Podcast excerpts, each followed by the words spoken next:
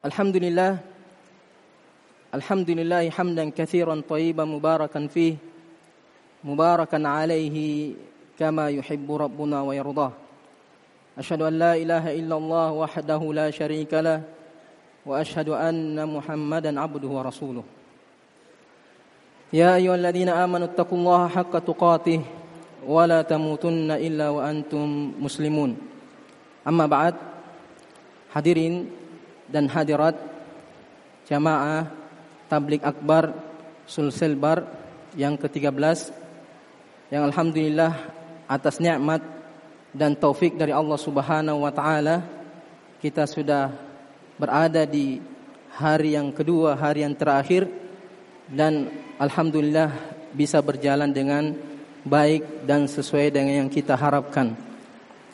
Salawat dan salam tidak lupa pula kita ucapkan untuk Nabi kita Muhammad sallallahu alaihi wasallam begitu pula kepada para sahabatnya, para tabi'in dan umatnya yang senantiasa mengikuti tuntunannya sampai hari kemudian. Hadirin dan hadirat rahimakumullah. Sebagaimana tema yang diberikan kepada saya yang sebelumnya saya ucapkan kepada para asatiza Sulselbar yang telah memberikan kepercayaan kepada saya untuk mengisi materi di tablik akbar kali ini. Dan tentunya saya merasa belum pantas untuk duduk di hadapan para ikhwah sekalian karena ustaz-ustaz senior kita masih banyak dan ilmunya lebih luas daripada ilmu saya. Tapi karena amanah eh, yang diberikan oleh para asatidah sebagai bentuk penghormatan kepada para beliau dan sebagai bentuk pembelajaran juga kepada saya semoga ke depannya bisa lebih baik. Materi yang diberikan kepada saya adalah materi tentang salah kaprah seputar moderasi Islam. Artinya salah paham ya. memahami apa yang dimaksud sebenarnya dengan moderasi itu Secara garis besar ada dua bentuk kesalahan dalam memahami moderasi Islam ini. Di antaranya yang pertama ada yang memahami bahwa moderasi itu artinya tidak tidak mengapa sesekali kita melakukan penyimpangan, tidak mengapa sesekali kita melakukan yang haram Jangan terus-menerus lurus-lurus. Jangan terus-menerus beribadah. Sesekali mengikuti hawa nafsu. Nah, ini tidak sedikit orang yang memahami seperti ini. Apakah karena kejahilannya atau dengan unsur kesengajaan? Memang sengaja menjadikan makna wasatiyah moderasi dalam Islam ini menyimpang sehingga memahami moderasi sesuai dengan apa yang mereka inginkan. Sehingga yang halal bisa saja dijadikan haram. Yang haram bisa saja dijadikan halal dengan dalil moderasi. Dan parahnya mereka mengklaim bahwa yang berpahaman berpemahaman seperti mereka atau yang sama dengan seperti mereka, sekelompok dengan mereka itulah yang moderat. Sedangkan yang tidak sama dengan mereka, yang bukan dari kelompok mereka, bukan moderat. Padahal mereka sendiri yang membuat eh, definisi atau ukuran moderasi itu. Tidak mengikuti eh, aturan-aturan yang ditetapkan oleh ulama. Karena kita ketahui bahwa ulama menetapkan ada empat pilar moderasi Islam itu. Artinya ada empat syarat sehingga sesuatu itu dikatakan moderat. Yang pertama, sikap moderat itu harus berlandaskan Al-Quran dan hadis. Tidak ada moderat apabila bertentangan dengan Al-Quran dan hadis. Apa saja sikap, apa saja perbuatan, keyakinan, eh, akhlak, atau interaksi muamalah apabila bertentangan dengan Al-Quran dan Sunnah sekalipun dia mengaku moderat maka itu bukan moderat. Yang menjadi ukuran moderat adalah Al-Quran dan As-Sunnah. Ini yang pertama. Karena terkadang menganggap bahwa moderat itu senantiasa mene, apa, mengejar maslahat mencari maslahat sehingga ketika menganggap bahwa ini adalah maslahat, maka dia anggap itulah moderat. Sekalipun menyimpan dari Al-Quran dan hadis. Akan tetapi yang benar bahwa di mana ada Al-Quran dan hadis, di situlah maslahat. Bukan sebaliknya, Al-Quran dan hadis harus mengikuti maslahat, tidak. Kenapa? Karena akal manusia, sehebat-hebatnya, sepintar-pintarnya, secerdas-cerdasnya, tidak mampu mengetahui dengan baik mana yang maslahat, mana yang baik, mana yang buruk tanpa ada bimbingan Al-Quran dan hadis. Jangankan kita sebagai manusia biasa. Nabi Shallallahu Alaihi Wasallam dalam beberapa keadaan menganggap sesuatu itu maslahat, tapi ditegur oleh Allah Subhanahu Wa Taala. Kisahnya Nabi bersama Ibnu Ummi Maktum Ketika Ibnu Ummu Maktum datang kepada Nabi untuk didakwahi, tapi ternyata Nabi sedang mendakwahi pembesar-pembesar Quraisy. Nabi menganggap bahwa maslahat mendahulukan pembesar Quraisy. Karena apabila pembesar Quraisy menerima Islam, maka maslahannya lebih banyak daripada apabila Ibnu Ummi Maktum masuk Islam karena cuma sendiri dan bukan orang yang terkenal. Ini maslahat bagi Nabi. Maslahat yang dianggap oleh Nabi, tapi ternyata turun ayat abasa wa tawalla. Ditegur Nabi Shallallahu Alaihi Wasallam. Padahal Nabi menganggap itu maslahat, tapi ternyata Allah menganggap itu bukan maslahat. Begitu pula ketika kejadian tawanan perang Badar. Nabi menanyakan kepada Abu Bakar bagaimana sikap kita dengan tawanan Abu Bakar. Abu Bakar mengatakan kita bebaskan mereka, kita lepaskan mereka, mereka saudara kita, mereka keluarga kita. Umar bin Khattab mengatakan bunuh, bunuh semua. Setiap keluarga membunuh keluarganya yang menjadi tawanan perang. Akhirnya Nabi menganggap maslahah memilih pendapat Abu Bakar Siddiq. Ternyata apa? Allah membenarkan pendapatnya Umar bin Khattab. Ya. Dan masih banyak lagi contoh-contoh yang mana Nabi menganggap sesuatu itu maslahah padahal ya, tidak dianggap maslahah oleh Allah Subhanahu wa taala. Ini Nabi sallallahu alaihi wasallam. Begitu juga para sahabat ketika perang Hudaybiyah. Ketika Nabi Shallallahu Alaihi Wasallam menerima semua aturan-aturan, syarat-syarat perjanjian Hudaybiyah yang ditetapkan oleh kaum Quraisy yang nampaknya bertentangan dengan masalah umat Islam. Sehingga Umar bin Khattab datang kepada Nabi, "Ya Rasulullah, eh, kenapa kita menempatkan posisi kita sebagai posisi yang lemah? Kenapa kita harus mengikuti semua poin-poin yang mereka inginkan. Apakah kita lemah? Kita tidak lemah. Tapi Nabi Shallallahu Alaihi Wasallam tetap eh, menerima poin-poin perjanjian Hudaybiyah karena itu adalah perintah dari Allah Subhanahu wa taala. Apa yang dianggap Umar bin Khattab sebagai maslahah itu tidak dianggap oleh Allah dan Rasulnya sebagai masalah. Artinya apa? Wasatiyah tidak bisa hanya sebatas akal dan logika saja harus berlandaskan Al-Quran dan hadis Nabi Sallallahu Alaihi Wasallam. Kemudian yang kedua, al-wasatiyah juga harus sesuai dengan tuntunan dan pemahaman para sahabat Nabi Sallallahu Alaihi Wasallam. Karena terkadang orang menganggap wasatiyah dengan ayat, dengan hadis. Ternyata pemahamannya terhadap ayat dan hadis tidak sama seperti yang dipahami oleh para sahabat Nabi Sallallahu Alaihi Wasallam. Tidak sama dengan pengamalan para sahabat Nabi Shallallahu Alaihi Wasallam. Sehingga sekalipun dia menganggap bahwa wasatiyah yang mereka anggap berdalilkan Al-Quran dan Sunnah tapi kita ukur apakah pemahaman kita terhadap Al-Quran dan Sunnah sama seperti pemahaman sahabat atau tidak? Kalau tidak maka kita tolak. Kenapa? Karena tidak ada generasi yang paling wasatiyah daripada sahabat Nabi Shallallahu Alaihi Wasallam. Kanya Nabi mengatakan khairun nasi qarni khairun nas dan kita tahu bahwa di antara makna wasatiyah adalah al-khairiyah. Tidak ada kebaikan kalau tidak ada wasatiyah, sebagaimana tidak ada wasatiyah kalau tidak ada kebaikan. Kemudian yang ketiga di antara pilar eh, wasatiyah moderasi Islam adalah mempertimbangkan eh, maqasidus syariat. Tujuan Allah menurunkan syariat.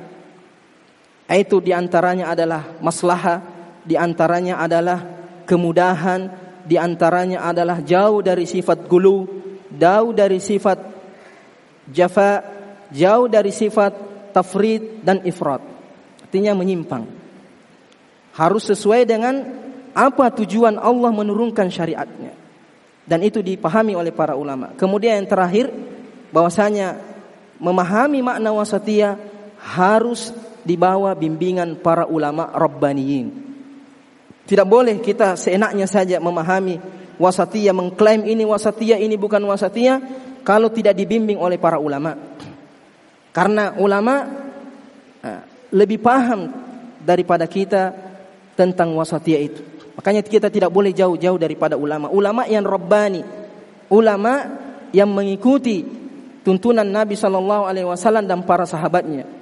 Makanya Nabi sallallahu alaihi wasallam mengatakan, "Innal ulama warasatul anbiya." Ulama itu adalah pewaris Nabi. Kapan ulama itu dianggap pewaris Nabi? Kalau yang diajarkan bersumber dari ajaran Nabi.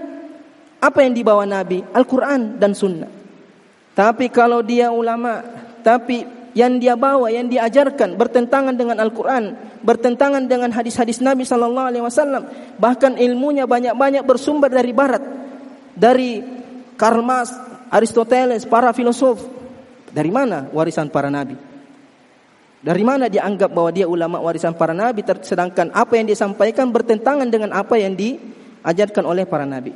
Itu yang pertama. Kesalahan dalam memahami moderasi Islam menganggap bahwa moderasi Islam itu kita bisa memilih-milih. Yang haram boleh saja terkadang halal, yang halal boleh saja terkadang haram. Atau kita boleh sesekali halal, boleh sesekali haram, jangan yang halal terus. Kemudian yang kedua di antara kesalahan dalam memahami moderasi Islam menganggap bahwa moderasi Islam itu selamanya pertengahan. Senantiasa pertengahan, tidak. Wasatiyah tidak selamanya berarti pertengahan. Wasatiyah berarti pertengahan kalau berada di antara dua keburukan. Keburukan gulu dan keburukan jafa atau menyepelekan. Baru dia dikatakan wasatiyah. Jadi wasatiyah berarti pertengahan al-bainiyah kalau berada di antara dua keburukan. Tapi kalau sesuatu itu hanya dua, antara hak dan batil, tidak ada pertengahannya. Kalau bukan hak, berarti batil. Nah, di antara contohnya seperti memakai cadar pakai bagi wanita, menganggap bahwa yang wasatiyah itu kalau tidak pakai cadar, pakai kudung saja. Kenapa? Karena kalau pakai cadar gulu. Kemudian ekstrim kiri kalau tidak pakai kudung. Jadi menganggap bahwa wasatiyah itu kalau sedang-sedang saja. Jangan ekstrim sampai ditutup semua, jangan juga ke kiri dibuka semua. Nah, ini tidak benar. Karena di sini tidak ada pertengahan, yang ada yang terbaik atau yang di bawahnya agak baik artinya karena artinya kalau sumpamanya seperti masalah isbal sumpamanya. Kalau di bawah mata kaki berarti dia mengabaikan, meninggalkan. Kalau di atas mata kaki ini yang wasat.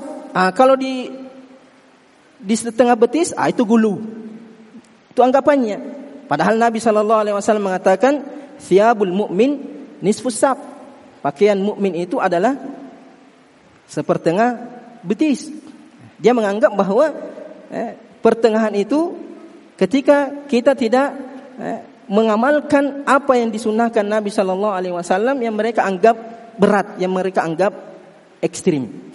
Eh, ini di antara bentuk eh, ke kesalahpahaman atau salah kaprah dalam memahami moderasi. Kemudian sekarang apa penyebabnya? Kenapa terjadi penyimpangan-penyimpangan pemahaman terhadap moderasi ini? Apa yang menyebabkan salah kaprah? Ada beberapa di antaranya. Yang pertama, sebagaimana tadi saya singgung, memang sengaja ada unsur kesengajaan. Dia paham wasatiyah itu mana, mana wasatiyah yang benar. Tapi ingin merusak umat Islam. Ingin menyimpangkan umat Islam. Menjauhkan umat Islam dari agamanya yang hakiki. Sehingga membuat-buat definisi atau ukuran wasatiyah dan mengklaim orang yang tidak sejalan, tidak sependapat sebagai orang yang ekstrim. Dan ini banyak. Ya, sama seperti istilah ahli sunnah. Istilah ahli sunnah wal jamaah adalah istilah yang benar. Istilah yang syar'i. Tapi mereka memakai istilah ini kemudian mendefinisikannya kemudian memberikan pemahaman sekira yang tidak sepaham dengan mereka bukan ahli sunnah wal jamaah. Ini masalah. Ya. Sama seperti kaum khawarij ketika Nabi ketika datang kepada Ali bin Abi Thalib mengatakan la hukma illa lillah. Berkata seperti itu kepada Khalifah Ali bin Abi Thalib, la hukma illa lillah. Apa kata Ali bin Abi Thalib? Kalimatu haqqin urida biha batil. Ucapannya benar, betul, tidak ada hukum kecuali hukum Allah Subhanahu wa taala. Tapi mereka memahami ini tidak ada hukum selain hukum Allah bahwa kita harus memberontak kepada penguasa pemimpin yang tidak menetapkan hukum Allah bagaimanapun bentuknya. Ucapannya benar, tapi pemahamannya keliru. Karena memahami ayat tidak seperti pemahaman Rasulullah, tidak seperti pemahaman para sahabat. Kalimatu haqqin urida biha batil. Ah, begitu juga dengan wasatiyah. Wasatiyah kalimat yang benar. Jangan alergi, jangan sampai kita alergi dengan istilah moderasi. Padahal itu adalah ucapan yang benar. Makanya daurah ini di antara tujuannya ketika kita para asatis membahasnya di antaranya adalah supaya kita paham bahwa setia itu adalah sifat karakteristik khusus atau bahkan ciri khasnya umat Islam. Tapi sengaja digiring sehingga yang tidak sepaham, yang tidak sejalan bukan moderasi sehingga kita dianggap keluar dari moderasi. Begitu juga dengan istilah-istilah yang lainnya. Kemudian yang kedua di antara sebab penyimpangan pemahaman terhadap moderasi adalah memahami keliru terhadap beberapa hadis Nabi Shallallahu Alaihi Wasallam.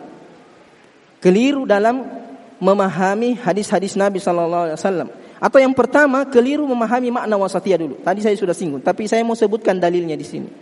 Yang pertama adalah keliru memahami makna wasatiyah, menganggap wasatiyah itu selalu pertengahan. Padahal banyak ayat dan hadis yang menunjukkan bahwa wasatiyah tidak mesti bermakna pertengahan. Ya.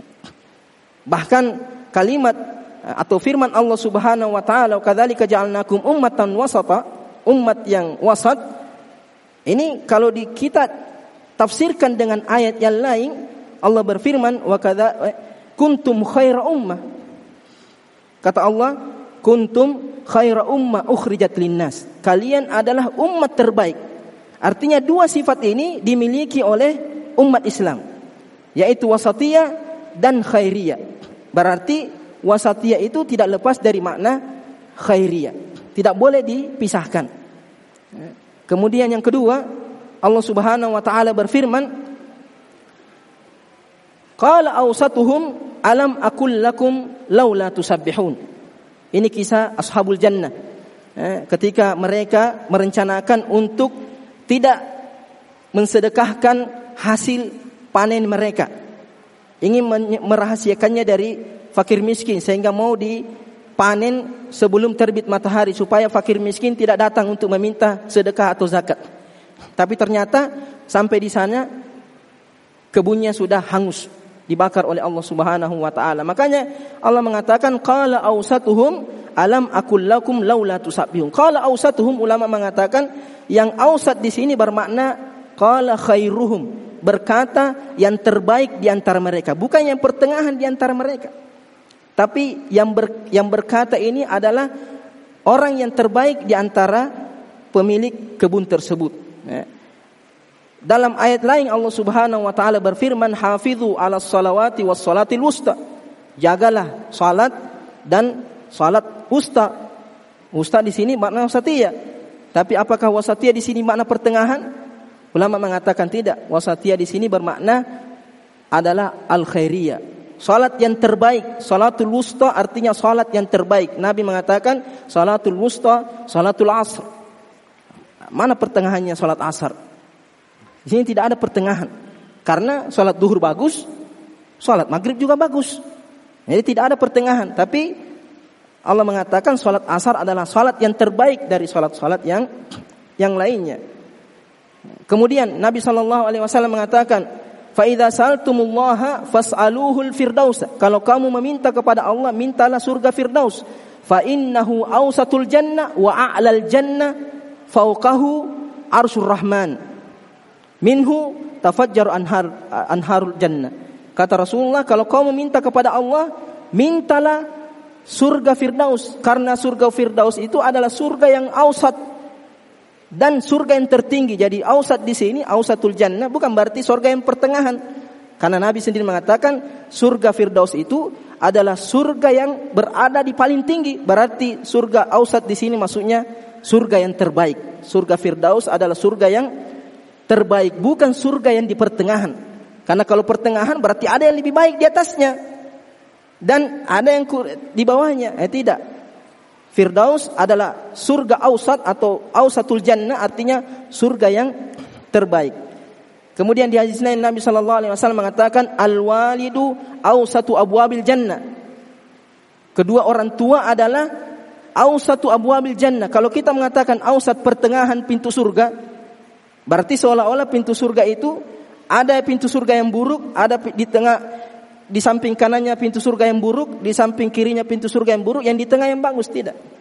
Tapi satu abu abul jannah di sini adalah pintu surga yang terbaik. Berbakti kepada kedua orang tua adalah pintu surga yang terbaik. Makanya Nabi Shallallahu Alaihi Wasallam tidak sedikit kita melihat Nabi berusaha melakukan ibadah sesempurna mungkin, sebaik mungkin. Karena orang menganggap bahwa kalau kita beribadah dengan sebaik mungkin berusaha meni, apa, memper, mem, mem, melakukan ibadah yang terbaik itu dianggap ekstrim.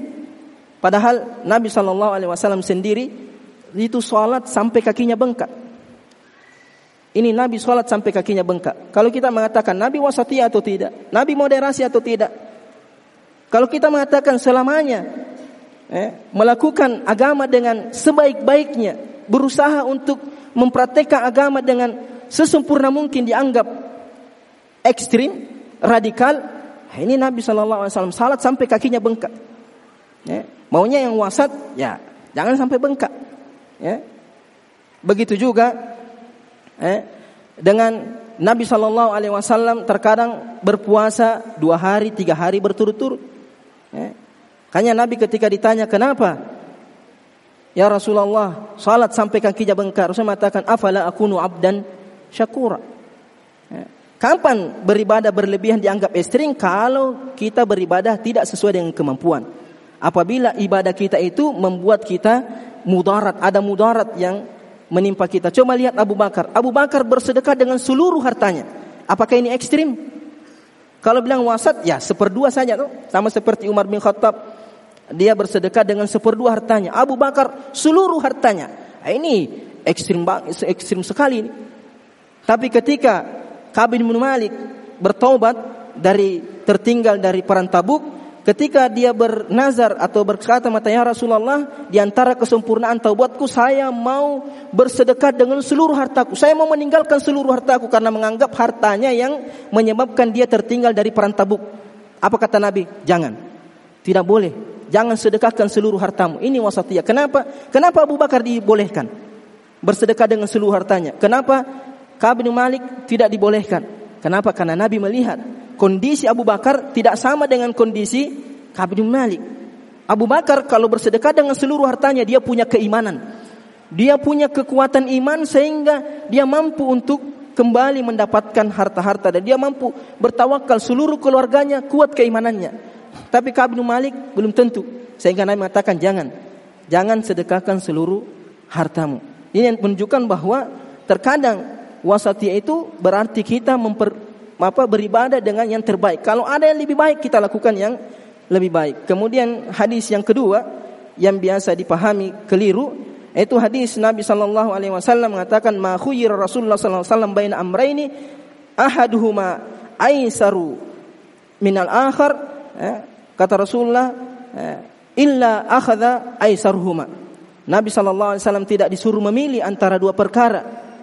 Yang satunya mudah, yang satunya sulit kecuali Nabi memilih yang paling mudah. Banyak yang memahami hadis ini sampai di sini. Dia potong hadis sampai di sini. Sehingga menganggap bahwa semua yang mudah-mudah itu harus diambil. Jadi kalau tidak salat bagus. Jadi kalau yang salat subuh pada waktunya sulit. Bagus kalau salat subuh itu jam 7, mudah. Itu kalau tidak puasa mudah. Selalu memilih yang mudah. Eh, padahal lanjutan hadisnya mengatakan malam yakun selama bukan dosa. Tapi kalau memilih yang paling mudah, ternyata yang paling mudah itu adalah dosa, melanggar syariat, melanggar Al-Quran dan hadis, maka tidak ada kemudahan ketika melanggar syariat Islam. Tidak ada kemudahan. Makanya tidak selamanya yang mudah itu adalah wasat. Kapan yang mudah itu wasat? Selama tidak keluar dari hukum-hukum syarat. Selama tidak keluar dari perintah Allah dan Rasulnya. Kemudian di antara hadis yang banyak disalahpahami ini hadisnya Hanzalah. Hadis Hanzalah Al-Usayyidi radhiyallahu taala an salah seorang penulis wahyu Nabi sallallahu alaihi wasallam. Suatu hari bertemu dengan Abu Bakar. Abu Bakar mengatakan, "Kaifa anta ya Hanzalah? Bagaimana keadaanmu ya Hanzalah?" Hanzalah mengatakan, "Nafaqa Hanzalah." Hanzalah munafik. Abu Bakar mengatakan subhanallah matakul. Apa yang kamu katakan ini menuduh diri sebagai munafik atau mengatakan diri ini munafik, wah itu berat. Innal munafikina fid darkil asfali minan nar. Akhirnya Abu Bakar mengatakan, "Kaifa dzalik? Bagaimana bisa kamu menganggap dirimu munafik?" Qala Hanzalah mengatakan, "Kunna 'inda Rasulillah sallallahu alaihi wasallam." Ketika kita berada di sisi Rasulullah sallallahu alaihi wasallam jannati wan nar. Rasulullah mengingatkan kita tentang surga, bagaimana kenikmatan surga. Kemudian mengingatkan kita tentang neraka, bagaimana pedihnya di dalam neraka. Hatta ka'anna ra'yu ain. Seolah-olah kita melihat surga ketika Nabi menceritakan tentang surga. Seolah-olah kita melihat neraka ketika Nabi bercerita tentang neraka. Fa idza kharajna min 'indi Rasulillah tapi kalau kita sudah keluar dari Rasulullah, kita pulang ke rumah. Asafnal azwaja wal aulada wad dayat. Kita disibukkan dengan istri, disibukkan dengan anak, disibukkan dengan perdagangan, usaha. Fanasina kathiran. Kita lupa banyak. Kita tidak sama kondisi kita ketika bersama Nabi, ketika kondisi kita di luar bersama istri, anak dan pekerjaan kita. Ini Hanzalah menganggap bahwa ini seperti kemunafikan karena kondisi berubah antara satu kondisi dengan kondisi yang lainnya. Abu Bakar mengatakan, "Wallahi inna lanalqa haza." Demi Allah, saya juga merasakan seperti itu. Abu Bakar Siddiq mengatakan kalau kita bersama Nabi dalam pengajian, dalam muhadarah ketika salat, kita khusyuk. Tapi ketika kita pulang, kita lalai. Kita lupa banyak. Akhirnya mereka datang kepada Nabi Shallallahu Alaihi Wasallam kemudian menceritakan apa yang menjadi permasalahannya. Akhirnya Nabi mengatakan, Ya Hanzala, wahai Hanzala, in lau tadumuna ala ma takununa indi wa fi dzikri, jika kalian eh, konsisten dengan keadaan ketika kalian bersama saya atau ketika berzikir beribadah, lasafahatkumul malaikatu ala furusikum wa turikum. Maka para malaikat akan turun menyalami kalian. Karena kalian khusyuk terus. Eh, berzikir terus setiap saat tidak pernah lalai. Akhirnya Nabi mengatakan walakin ya sa'atan wa sa'a. Sa'atan wa sa'a. Sa'atan wa sa'a. Tiga kali Nabi ulang. Ya Hanzalah sesaat dan sesaat. Sesaat dan sesaat. Sesaat dan sesaat. Ini hadis banyak disalahpahami terkhusus di Mesir. Ketika dinasihati eh tinggalkan itu, anu haram itu. Haram, Nabi melarang. Rasulullah Allah Subhanahu wa taala melarang. Lamatakan sa'atan wa sa'a. Saatan li rabbika, saatan li nafsika. Atau ada waktu-waktunya kita beribadah, atau waktu-waktunya kita ya mengikuti hawa nafsu, bermaksiat. Jadi jangan beribadah terus, nanti lewat surga. Ya. Sehingga mengatakan ya santai saja beribadah. Santai artinya ya sekali-sekali lah bermaksiat. Ya. Jangan lurus-lurus terus. Nah, ini banyak disalahpahami. Padahal Ulama mengatakan maksudnya di sini saatan wa Ada waktu-waktunya kita khusyuk dalam beribadah. Kita fokus dalam beribadah. Kita betul-betul eh, memikirkan Allah Subhanahu wa taala dalam beribadah. Eh, tapi ada kalanya kita bercanda dengan istri, dengan anak, eh, padahal itu juga sesuatu yang mubah. Jadi di sini ada waktunya kita beribadah, ada waktunya kita melakukan yang mubah. Eh, ada kondisi kita khusyuk dalam beribadah, ada kondisi kita santai. Makanya Nabi Shallallahu Alaihi Wasallam mengatakan Inna likulli amalin syirrah. Setiap amalan itu ada waktu-waktu semangatnya. Ada waktu-waktu kita sangat bersemangat dalam beribadah. Seperti kita sekarang ini, masya Allah, semangat. Sekalipun hujan datang, sekalipun dari jauh datang. Tapi kata Rasulullah, walikulli syirratin fatrah. Tapi setiap waktu-waktu semangat itu terkadang tiba saatnya ada waktu-waktu lesu. Ada waktu-waktu kita bosan, lesu. Maka Rasul mengatakan faman kanat fatratuhu ila sunnati siapa yang menghabiskan waktu bosannya, waktu santainya di atas sunnahku faqad aflah maka dia telah beruntung. Eh, wa man kanat fatratuhu ila ghairi siapa yang rasa bosannya, rasa lesunya, rasa letihnya dia pergunakan selain dari sunnah Nabi, menyimpan dari sunnah Nabi, faqad halak maka dia telah telah binasa. Ini menunjukkan bahwa sikap pertengahan Islam eh, dalam beribadah antara dunia dan akhirat tidak selamanya kita akhirat terus kemudian kita lupakan dunia. Makanya hadis yang disebutkan oleh ustaz kita sebelumnya mengatakan inna li rabbika alaika haq ada haknya Allah Subhanahu wa taala kita beribadah dengan khusyuk tidak boleh ada yang kita pikirkan kecuali Allah Subhanahu wa taala.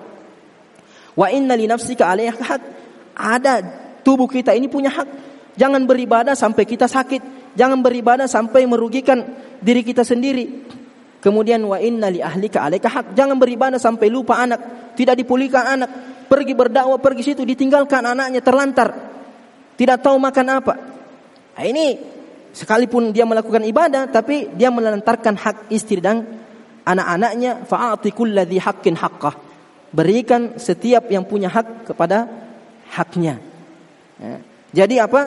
Eh, bermaksud dari kata Nabi Shallallahu Alaihi Wasallam saatan wasaa adalah eh, selama itu sesuatu yang disyariatkan, sesuatu yang dibolehkan, maka kondisi kita tentu berbeda-beda. Setiap keadaan ada situasinya, ada kondisinya. Ketika kita sholat kita khusyuk hanya memikirkan Allah. Ketika Imam Nawawi menjelaskan makna halakal mutanatti'un, halakal mutanatti'un, halakal mutanatti'un Binasalah orang yang berlebih-lebihan. Binasalah orang yang bersifat ekstrim. Kata Imam Nawawi mengatakan al-mutanatti'un orang yang ekstrim itu orang yang bersifat keras, orang yang bersifat berlebihan, al muta'ammikuna al mutasyaddiduna fi ghairi mawdi'i syiddah. Artinya orang yang berbuat eh, keras atau orang yang berbuat tegas bukan pada tempatnya. Artinya ada waktunya kita tegas, ada waktunya kita eh, terbuka selama tidak keluar dari aturan syarat. Nah, makanya Nabi Shallallahu Alaihi Wasallam eh, secara umum Nabi sangat toleransi. Artinya Nabi sangat memberikan kemudahan para sahabatnya. Tapi di saat yang lain ketika bertentangan dengan akidah, bertentangan dengan tauhid, bertentangan dengan dasar-dasar agama, maka Nabi Shallallahu Alaihi Wasallam menegur apa menegur dengan tegas. Apabila apalagi kalau eh, membuat umat Islam ini atau orang-orang ini menjauh daripada Islam. Seperti ketika Muaz bin Jabal salat Isya dengan membaca suratul Baqarah atau suratul Nisa. Ya, sehingga membuat jamaahnya lari. Maka Nabi Shallallahu Alaihi Wasallam mengatakan, "Fattanun anta ya Muaz, fattanun anta ya Muaz, fattanun anta ya Muaz," sampai merah mukanya Nabi Shallallahu Alaihi Wasallam. Ya. Kemudian di hadis lain, Nabi mengatakan, "Man a'azza man ta'azza bi azail jahiliyah, siapa yang berbangga-bangga dengan sifat-sifat jahiliyah, yaitu dengan kesyirikan, membanggakan nasabnya, membanggakan keturunannya, kata Rasulullah, fa'idduhu bihani abihi wala takun. Maka katakan kepada dia, gigit kemaluan bapakmu. Coba itu. Kata Rasulullah, jangan pakai kinaya, pakai bahasa yang vulgar. Ini Nabi mengatakan seperti ini. Kalau kita mengatakan seperti ini di sini kita nah ekstrim itu. Ya, tapi Nabi memperlakukannya kenapa? Karena posisi atau keadaan kondisi menghendaki sifat yang tegas. Jadi ada waktunya kita tegas apabila memang dibutuhkan atau memang sesuai dengan keadaan, ada waktunya kita bisa memberikan kelonggaran kalau selama itu memang dibolehkan dan diizinkan dalam syariat. Hadirin dan hadirat rahimakumullah, ini saja mungkin yang bisa uh, menjadi materi atau yang saya sampaikan pada uh, kesempatan kali ini yang saya mengambil kesimpulan bahwa wasatiyah itu tidak akan bisa kita pahami dengan benar tanpa ilmu. Pentingnya ilmu. Jangan jauh dari ulama. Jangan jauh ulama. Se sehebat-hebatnya kita, sepintar-pintarnya, secerdas-cerdasnya kita, jangan pernah jauh dari ulama. Setinggi-tingginya ilmu kita, jangan jangan jauh dari bimbingan para ulama. Karena kita ini lemah. Eh, kita serahkan kepada para ulama yang lebih paham, yang lebih dalam keilmuannya, yang lebih banyak pengalamannya daripada kita. Jangan sampai kita menganggap kita sudah benar pemahamannya terhadap wasatiyah, ternyata kita yang salah. Atau kita menganggap salah kaprah, justru kita yang salah kaprah. Maka butuh pembimbingan ulama. Makanya insya Allah dua pemateri berikut adalah di antara kibar ulama kita. Semoga apa yang disampaikan eh, para ustaz dari awal sampai terakhir itu akan mendapat pencerahan lebih baik. Kalau ada memang kekurangan-kekurangan yang kami sampaikan bisa dilengkapi oleh para ustaz-ustaz kita karena beliau lebih paham dan lebih berilmu daripada kita semua. Aku lu qauli hadza wa astaghfirullah li wa. Subhanakallahumma bihamdik asyhadu an la ilaha illa anta astaghfiruka wa ilaik. Assalamualaikum warahmatullahi wabarakatuh.